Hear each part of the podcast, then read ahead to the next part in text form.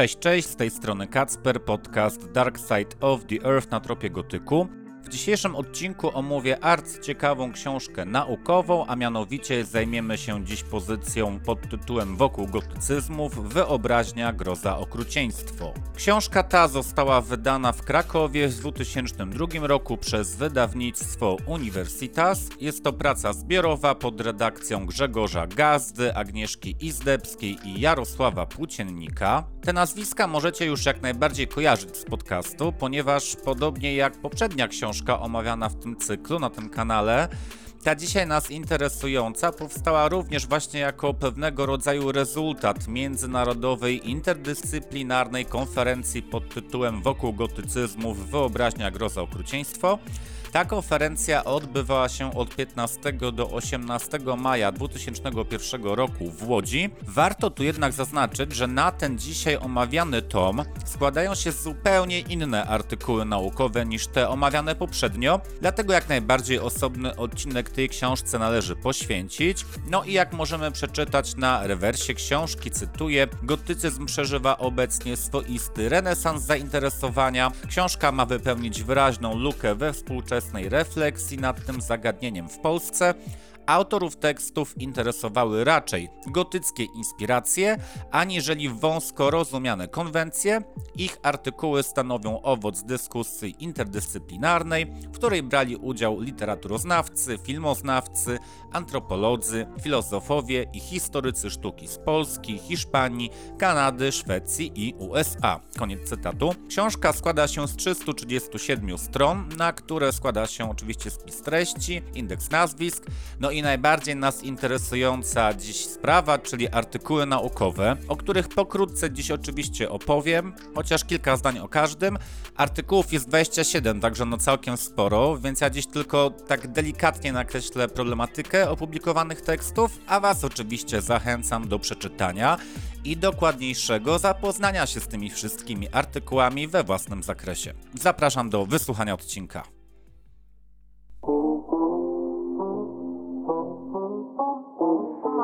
Na tropie gotyku. Książka wokół gotycyzmu, którą dzisiaj omawiamy, została podzielona na trzy części i pierwszą część stanowią takie szkice dotyczące gotyckiej przestrzeni i kategorii estetycznych związanych z gotycyzmem. Szczególnie chodzi tu o dwie kategorie, o kategorię wzniosłości oraz o kategorię grozy. No i o ile na przykład stali słuchacze mojego podcastu już kojarzą, że są różne kategorie estetyczne i tutaj ja w podcaście bardzo dużo poświęciłem kategorii smaku estetycznego, również troszeczkę kategorii performance w pierwszych odcinkach, natomiast tutaj jakby autorzy tej publikacji skupili się także na innej kategorii estetycznej, czyli na kategorii wzniosłości. I za takie pierwsze studium wzniosłości uważany jest traktat o wzniosłości przypisywany pseudo Longinosowi i on uważał, że twórczość artystyczna jest umiejętnością metaforyzowania. I tutaj również są bardzo ważne dwa nazwiska, które także były często przeze mnie przywoływane w przypadku kategorii smaku. No bo do XVIII wieku wzniosłość była terminem tak jakby przejętym przez krytykę literacką, natomiast Edmund Burke i Immanuel Kant, ci dwaj filozofowie, niezależnie powstających tekstach naukowych zaczęli kategorię tą oddzielać od piękna i traktować ją jako osobną. No i taką największą karierę wzniosłość jako kategoria estetyczna, jako zagadnienie estetyczne przeżywała w okresie modernizmu. No i tu warto też wspomnieć o francuskim filozofie Lyotardzie, który się urodził w 1924 roku, zmarł w 1998. W każdym razie on również jako taki przedstawiciel postmodernizmu był zwolennikiem pojęcia wzniosłości, uznawał wzniosłość jest za takie narzędzie prowadzące rozum ludzki do sprzeczności, narzędzie, które w pewien sposób ujawniało granice naszych władz poznawczych oraz potwierdzało wielorakość, nieokreśloność współczesnego świata. I tak jak w przypadku kategorii smaku, wielu myślicieli traktowało ten termin zamiennie ze słowem gust, czyli chodziło tu o gust estetyczny, to tak samo czasami w polskich tłumaczeniach wzniosłość jest traktowana jako synonim górności, a nawet górnolotności. To tyle tytułem wstępu. Pierwszy artykuł, który możemy znaleźć w książce, to jest artykuł autorstwa Manuela Agir pod tytułem Geometria strachu, wykorzystanie przestrzeni w literaturze gotyckiej. No i cóż, artykuł ten mnie zaskoczył przede wszystkim takim dość matematycznym podejściem do tematu. Dużo mamy tu modeli, na przykład model dwuprzestrzeni, który pokazuje znany świat w opozycji do innego świata. I tu cytat krótki: Gotycyzm zakłada istnienie dwóch przestrzeni, z jednej strony sfery racjonalności świata człowieka, domeny zdarzeń zrozumiałych, z drugiej zaś strony istnieje tu świat inności, numinozum, tego co poza zdolnością ludzkiego pojmowania. Obie te sfery rozdziela jakiś rodzaj progu, a fabuła niezmiennie eksponuje moment ruchu ku jednej z tych sfer, ruchu, który bardzo często jest postrzegany jako transgresja, naruszenie granic. No a autor jakby swoje wnioski bazuje na klasykach powieści gotyckiej, między innymi jedną z książek, którą analizuje jest Italczyk Ann Radcliffe. Kolejny artykuł to artykuł Agnieszki Izdebskiej, Gotyckie Labirynty. I ta autorka też właśnie skupia się na przestrzeniach przedstawionych w dziełach gotyckich i postgotyckich. Też analizuje filmowe adaptacje, wcielenia.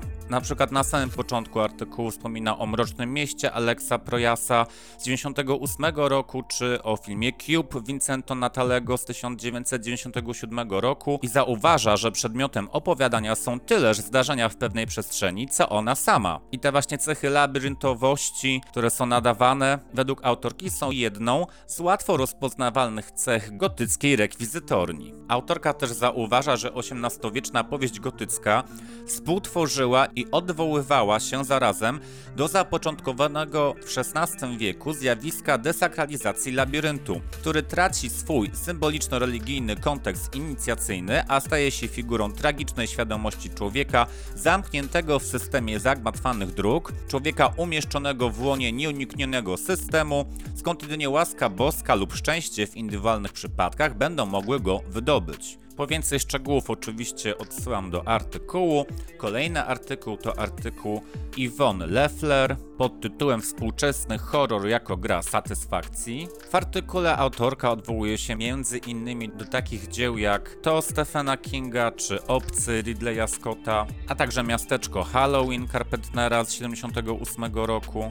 Autorka zauważa, że opowieść grozy, czy to kinowa, czy powieściowa, należy do pewnego rodzaju popularnych kategorii, kategorii opowieści, które pozwalają nam doświadczać i opanowywać przerażające sytuacje w znanych, kontrolowanych warunkach. Myślę, że każdy z nas czuje i rozumie, co autorka miała na myśli. Ludzie lubią horrory, bo lubią się bać, lubią doświadczać grozy. Następnie mamy artykuł już odnoszący się rzeczywiście do tej kategorii wzniosłości, o której wspomniałem na początku odcinka. Mamy tutaj tekst Jarosława Płóciennika pod tytułem Horror i ukrzyżowanie, empatia formalna i elementy gotyckiej retoryki wzniosłości w reprezentacjach ciała poddanego przemocy. Kolejny tekst to jest tekst autora Larsa Lonrotha pod tytułem Odkrycie nordyckiej wzniosłości. Jak możecie zauważyć w porównaniu do poprzedniej książki, tutaj mamy zdecydowanie więcej autorów zagranicznych w tej publikacji, ale fajnie, że istnieją takie tłumaczenia, bardzo dobrze. I autor już na dzień dobry we wstępie zauważa, że koncepcja wzniosłości była jedną z największych innowacji w poetykach XVIII wieku.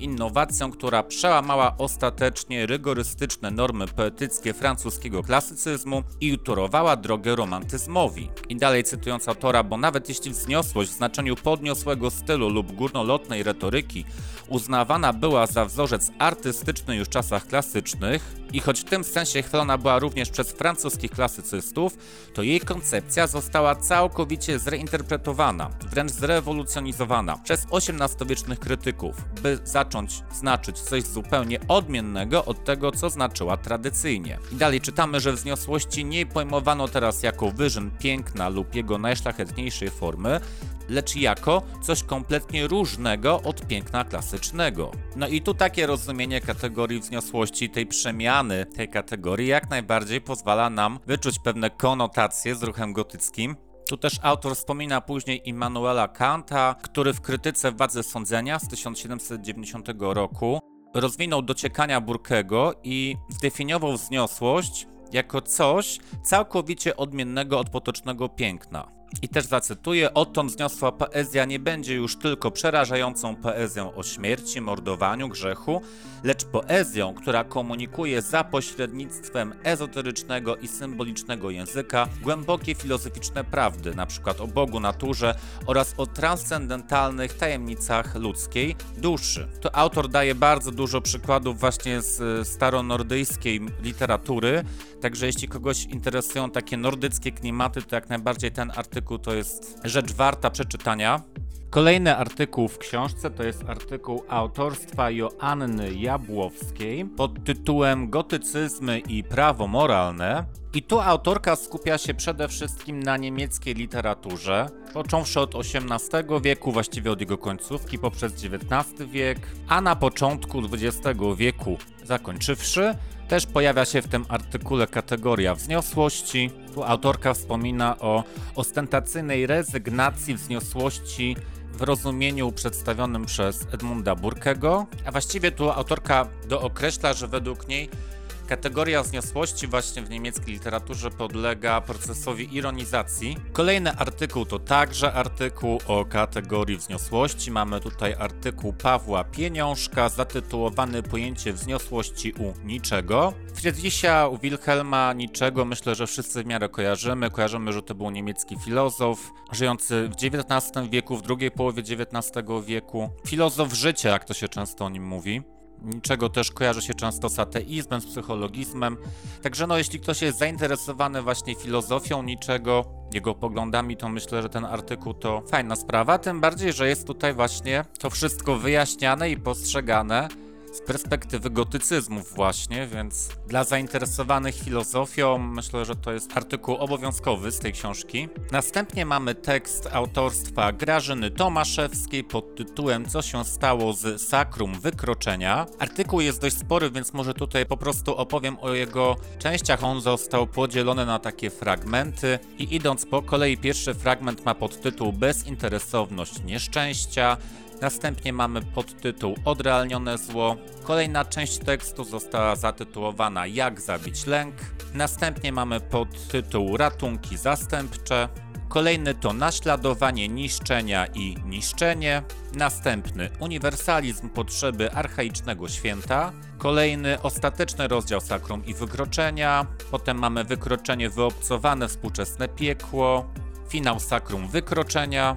No i autorka kończy ten artykuł zadając takich dużo pytań retorycznych. Ten tekst ma również taki trochę filozoficzny charakter. Może zacytuję: Groza, jak nieszczęście, nie jest lekka czy ulotna. Człowiekowi istniejącemu naprawdę nic do tej piany, bo jakiemuż rytuałowi sensu ją poddać.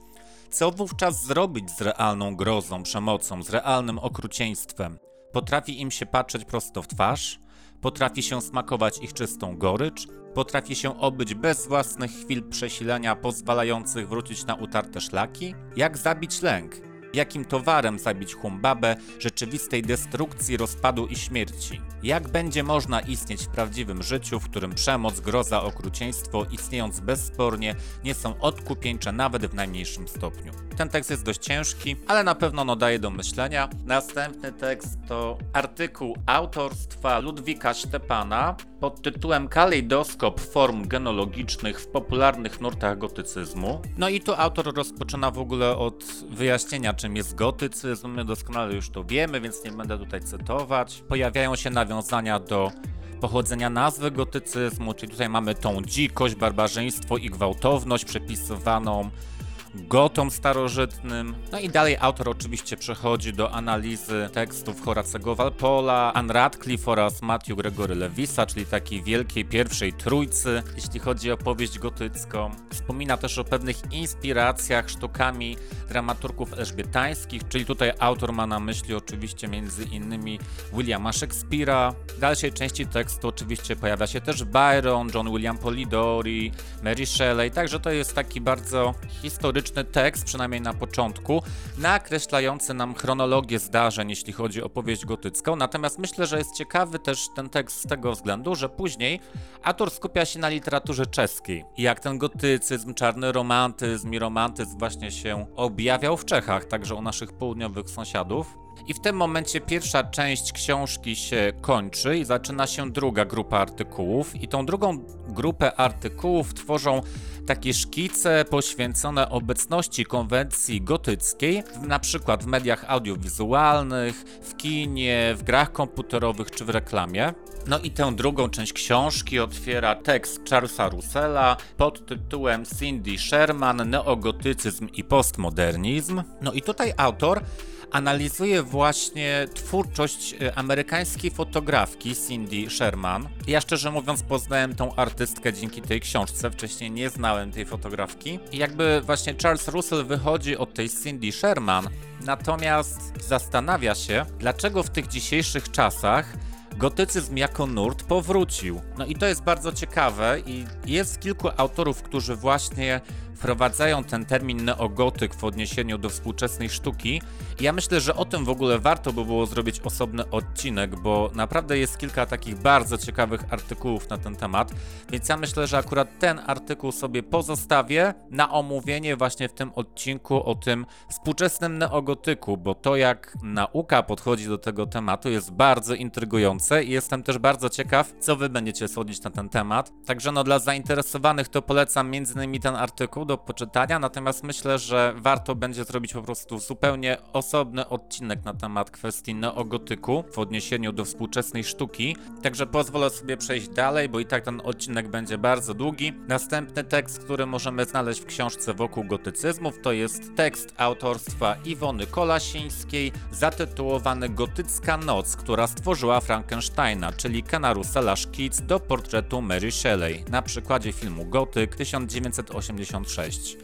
No ja o filmie Gotyk już tutaj kilkukrotnie w podcaście wspominałem. To jest film, który opowiada o tym legendarnym spotkaniu, do którego doszło w czerwcu 1816 roku. Wówczas 19-letnia Mary Shelley w towarzystwie męża przybyła do mrocznej willi Diodati nad jeziorem Genewskim, by spotkać się z grupą przyjaciół, między innymi z Lordem Byronem i z Johnem Polidorim. No i przyjaciele spędzali czas w domu, racząc się alkoholem, opium i opowieściami grozy. Dlaczego nie spędzali czasu na świeżym powietrzu w czerwcu? No, wtedy akurat było wyjątkowo chłodne i deszczowe zimne lato. To był tak zwany rok bez lata. To jest takie określenie, które właśnie później ukuto po wydarzeniach w 1816 roku, bo wtedy nastąpił no, szereg takich gwałtownych anomalii klimatycznych. Zmarzliny nieraz się utrzymywały nawet do lipca i sierpnia. No i niestety rezultatem tej klęski nieurodzaju były oczywiście masowe zgony na skutek chorób wśród ludzi, niedożywienia, osłabienie układów odpornościowych, nieudane żniwa, klęska głodu. Także no to był bardzo ciężki czas. Za przyczynę najczęściej uznawało się serię erupcji wulkanicznych, wydobycie się olbrzymich ilości popiołu wulkanicznego, które trafiły do górnych warstw atmosfery. Także właśnie to było to zimne lato. No i wtedy przyjaciele razem spędzali czas i według legendy, która obrosła wokół tego spotkania, to właśnie wtedy Mary Shelley miała wpaść na pomysł powieści o Frankensteinie. Polidori miał stworzyć też swojego wampira. No i tutaj właśnie autor analizuje ten film. Myślę, że może warto będzie tylko przytoczyć tutaj taki fragmencik, który też opisuje klimat raz, że tego filmu, a dwa tych czasów, do których on nawiązuje. Cytuję, filmowy Shelley powie o czasach romantyzmu, w których przyszło mu żyć, że to epoka snów i koszmarów. Byron z kolei doda, my zaś jesteśmy tylko dziećmi epoki wychowanymi na krwi. Zamek w Otranto, Watek, Mnich, jeden grzech na każdej stronie. Czyta się lepiej od każdej Biblii. Oczywiście w tej wypowiedzi Byrona przywołano tytuły stanowiące kanon powieści gotyckiej, czyli Zamczysko w Otranto Walpola, Watek Beckforda oraz Mnich Lewisa. No jako, że film Gotyk to właściwie jest taki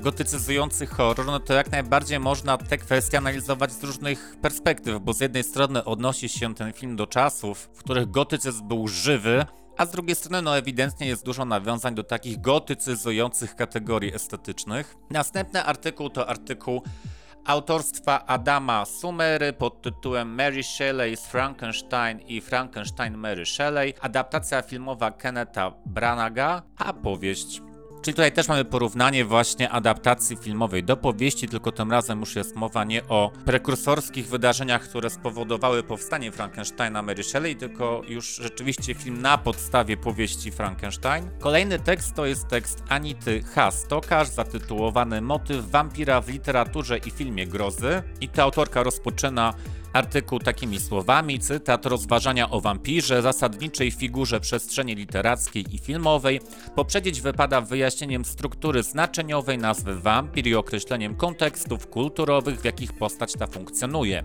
Na gruncie słowiańskiej demonologii ludowej wampir oznacza upiora, ducha zmarłego odstępcy, kacerza, osoby wyklętej, zbrodniarza, powracającego na świat w postaci olbrzymiego nietoperza, aby wyssać krew ludzi śpiących, którzy którzy sami z kolei stają się wampirami. Tu autorka zacytowała hasło wampir w słowniku mitów i tradycji kultury pod redakcją Kopalińskiego, słownik z 1985 e, roku. I tutaj właśnie też y, pani Anita Hastoka robi taki rys historyczny.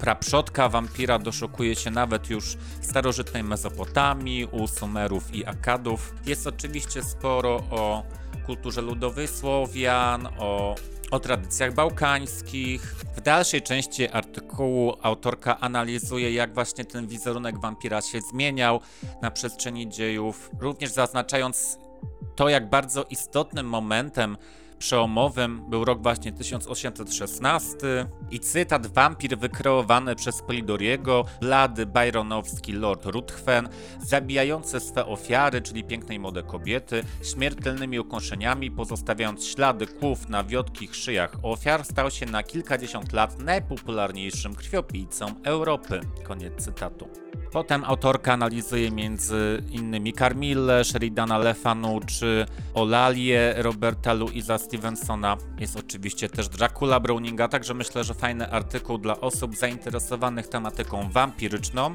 Następnie mamy tekst Piotra Sitarskiego pod tytułem Obcość i dekoracje w systemie rozrywkowym Blade Runner.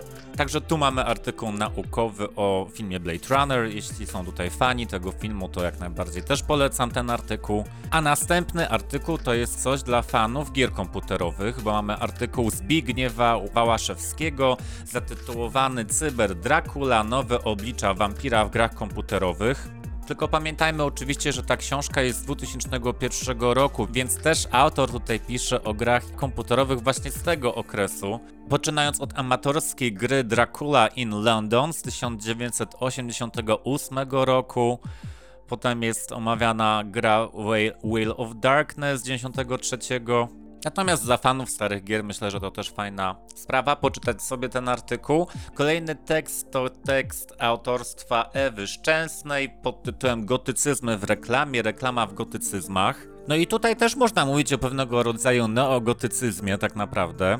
Tu nawet zacytuję autorkę. Oto bowiem gotycyzm to z jednej strony XVIII-wieczne zjawisko kulturowe z takimi elementami jak zamki, klasztory, lochy, podziemia udrapowane łańcuchami oraz zaludniający ten świat ciemności gwałtowni rycerze, rozbójnicy i damy w bieli, wraz z całą rekwizytornią, która z czasem uległa ośmieszeniu, z drugiej zaś to międzygatunkowa, wielokształtna konwencja estetyczno-semiotyczna, którą, jak przetacza badaczka Ewa Szczęsna, inna badaczka Agnieszka Izdebska, nazywa postgotycyzmem. I dalej możemy przeczytać, że gotycyzmy w reklamie umieszczone zostają w nowym kontekście komunikacji marketingowej, co mówiąc wprost oznacza, iż mają nie tyle straszyć, co sprzedawać reklamowany przedmiot. No czyli tak autorka właśnie zauważa, że ta reklama dekonstruuje te gotycyzmy tradycyjnie rozumiane w ich takiej wcześniejszej funkcji we wcześniejszej postaci. Fajne spojrzenie na sprawę i myślę, że to też jest artykuł, który do takiego potencjalnego odcinka o neogotyku mógłby mi fajnie posłużyć. Dzisiaj po prostu omawiamy ogólnie książkę wokół gotycyzmów i chcę wam opowiedzieć o tym, jaka jest po prostu struktura tej książki, żebyście się mogli zastanowić, czy na przykład chcecie sobie zakupić tą książkę. Ja akurat książkę tę dostałem od moich przyjaciół na 30 urodziny.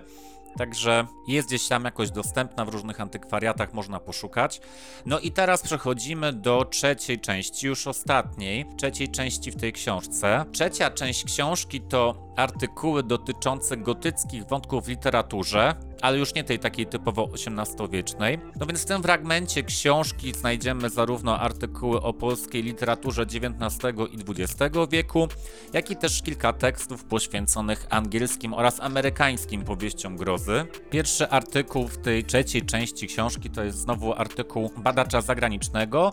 Autorem jest Valerie Decorvier-Nicole, a tytuł to Teorie eugeniczne i behawiorystyczne w gotycyzmie wiktoriańskim. I ciekawy cytat: Epoka wiktoriańska zrywa z romantyczną koncepcją ludzkiej natury i wolności. Myśl romantyczna traktuje jednostkę jako oderwaną od jej prawdziwego ja i zdegenerowaną przez społeczeństwo. Koncentruje się na metodach uwolnienia jej od norm i więzów społecznych, narzucanych przez cywilizację, rozum, technikę i naukę.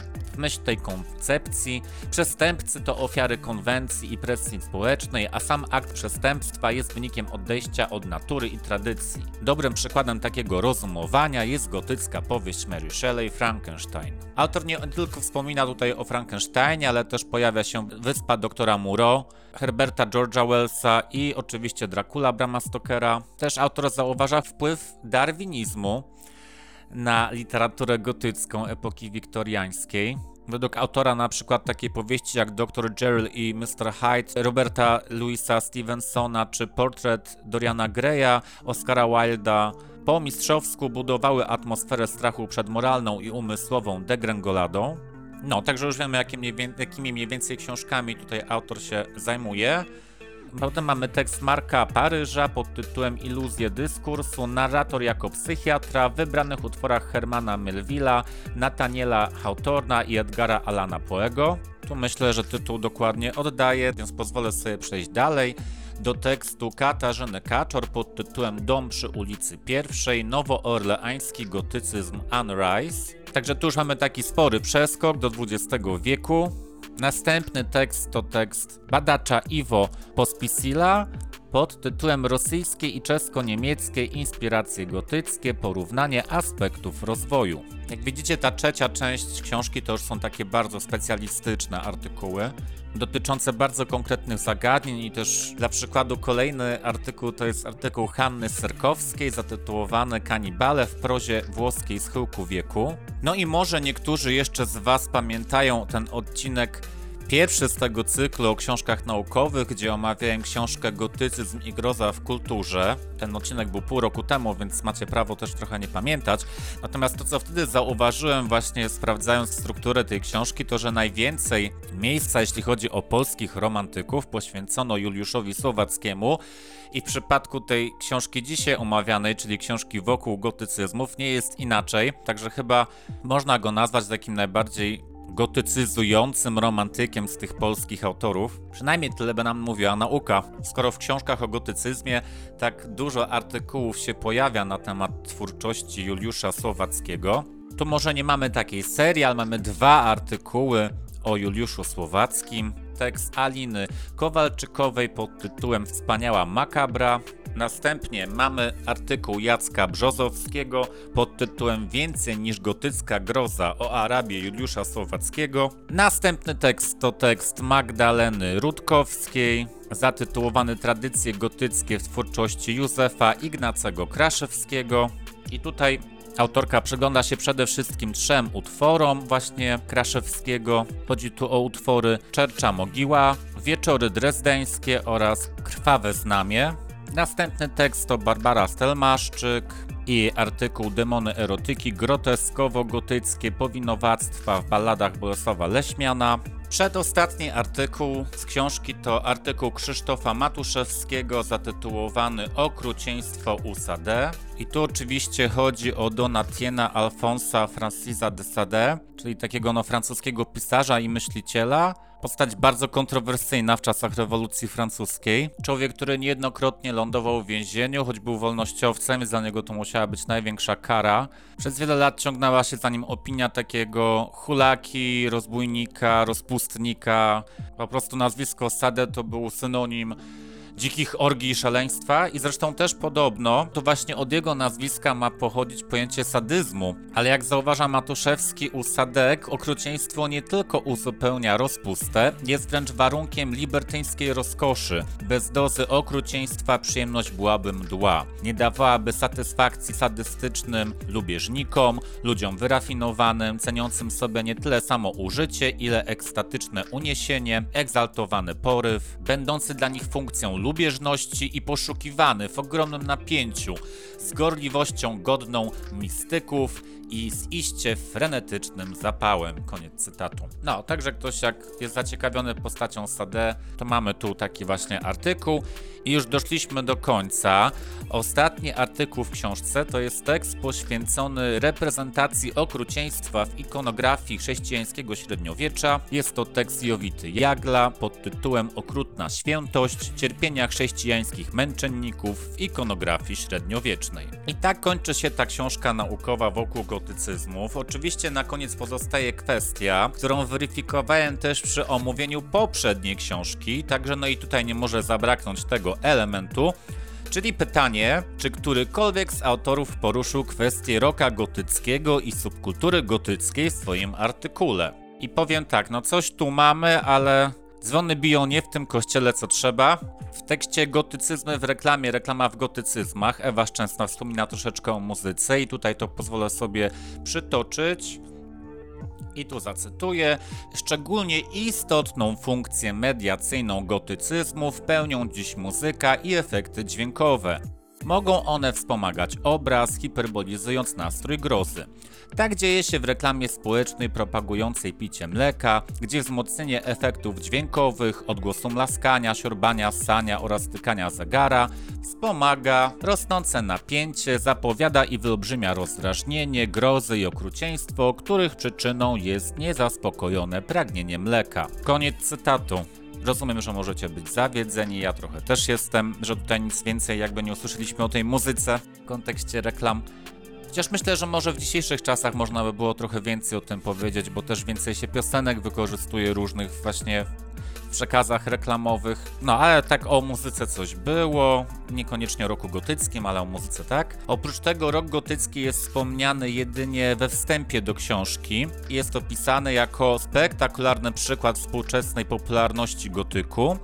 I to tyle, czyli tak jak w poprzednim odcinku z cyklu o książkach naukowych, z książki owszem dowiemy się sporo o korzeniach gotyku, o jego późniejszych odsłonach, ale głównie na gruncie literatury, nieco na gruncie kina. Pojawił się też jeden artykuł o grach komputerowych i jeden o reklamach telewizyjnych. No i kwestia współczesnej muzyki gotyckiej została niestety ponownie właściwie pominięta. Także pod tym kątem szkoda, mimo to książka wokół gotycyzmów to według mnie warta polecenia lektura.